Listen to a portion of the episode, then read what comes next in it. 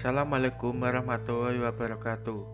Hai, perkenalkan nama saya Hendrik Sugianto dari kelas 11 MIPA 4 absen 14 Di sini saya akan menjelaskan materi tentang datangnya Spanyol di Indonesia. Selamat mendengarkan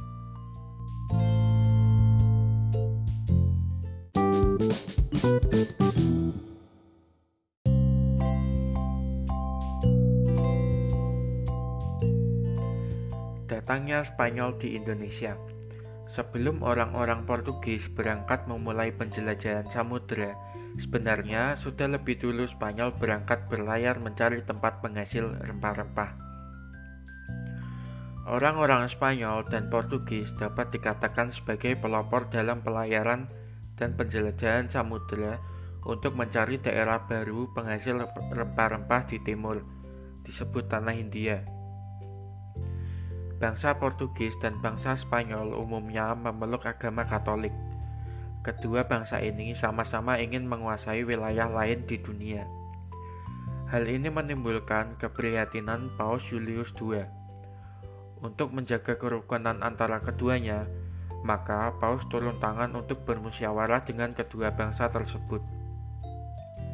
Diadakanlah kemudian perjanjian pembagian wilayah. Perjanjian ini diadakan di Tordesillas, Spanyol pada tanggal 7 Juni 1494. Isinya adalah wilayah di luar Eropa dibagi menjadi dua dengan garis meridian 1550 km sebelah barat Kepulauan Tanjung Verde.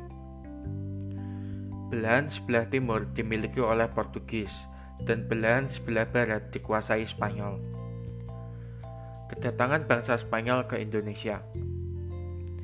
Orang-orang Spanyol yang diperakarsai Christopher Columbus merencanakan melakukan penjelajahan samudera untuk menemukan tanah penghasil rempah-rempah. Sebelum berangkat, Columbus menghadap kepada Ratu Isabella untuk mendapat dukungan termasuk fasilitas. Ratu Isabella mengizinkan dan menyediakan tiga kapal dengan segala perlengkapannya.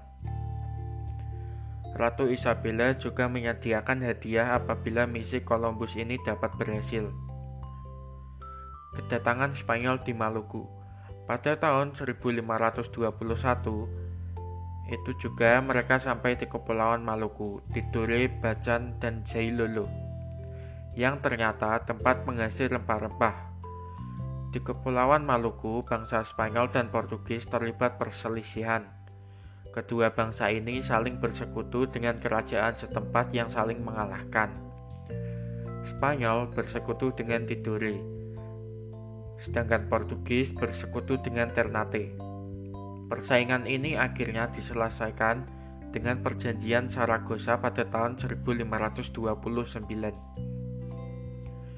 Isi perjanjian Saragossa itu yaitu Maluku menjadi daerah di bawah pengaruh Portugis.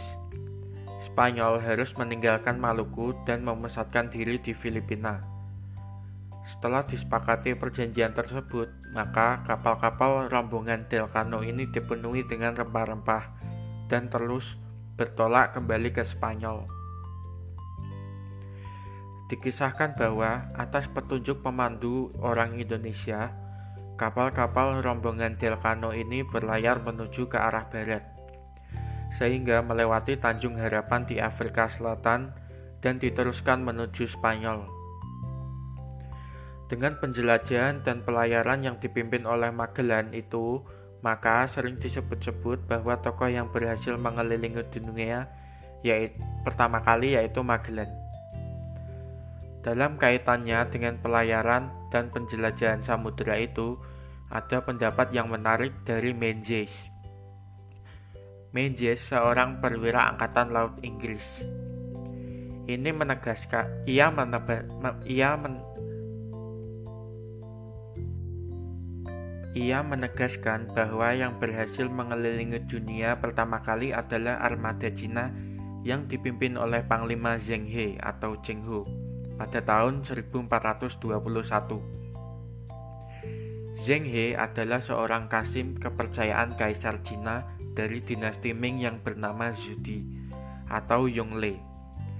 Dijelaskan oleh Menzies bahwa Zheng He bersama armadanya telah berlayar mengelilingi dunia dengan berpedoman pada peta-peta kuno yang dibuat oleh para kartografer Cina dan juga beberapa peta yang dibuat misalnya oleh Fra Mauro orang Italia dan yang dibuat oleh Piri Reis orang Turki.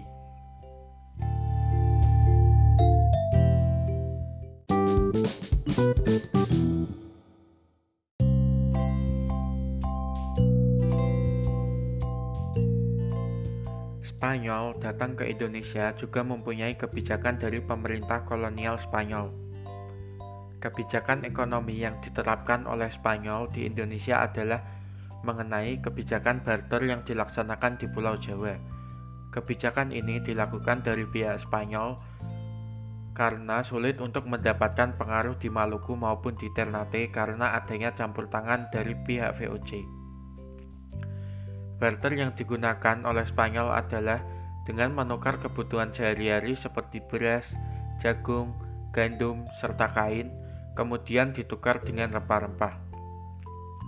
Selain itu, Spanyol juga membujuk kerajaan Ternate untuk menandatangani perjanjian yang mengharuskan Ternate mengakui kekuasaan dan memberi hak monopoli cengkeh di Spanyol.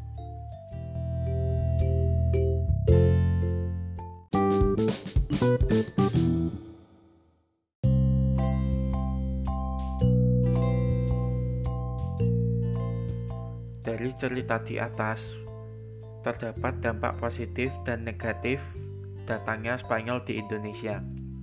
Dampak positifnya satu, yaitu banyaknya dibangun pelabuhan-pelabuhan sehingga Indonesia menjadi pusat perdagangan di Asia Tenggara, terutama di daerah Malaka. Dua, setelah kedatangan bangsa Eropa di Indonesia, banyak terdiri pusat-pusat industri yang dapat mengurangi angka pengangguran di Indonesia. 3. Dibangunnya sarana jalan darat atau jalan raya sehingga antar kota yang satu dengan yang lainnya terasa dekat. 4. Didirikannya sekolah yang dapat mencerdaskan para generasi penerus bangsa Indonesia. 5 terbukanya jalur pelayaran dunia. 6. Terdapat pendapat bahwa bumi itu bulat oleh Christopher Columbus. 7.